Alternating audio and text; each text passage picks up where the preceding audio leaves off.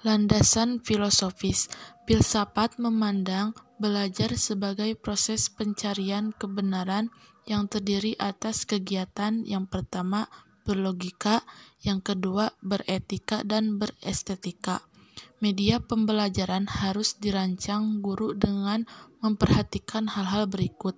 Yang pertama, mengandung kebenaran atau media yang kita rancang sesuai dengan materi pelajaran dan tidak menimbulkan miskonsepsi. Yang kedua, logis, etis, dan mengandung nilai seni atau estetika.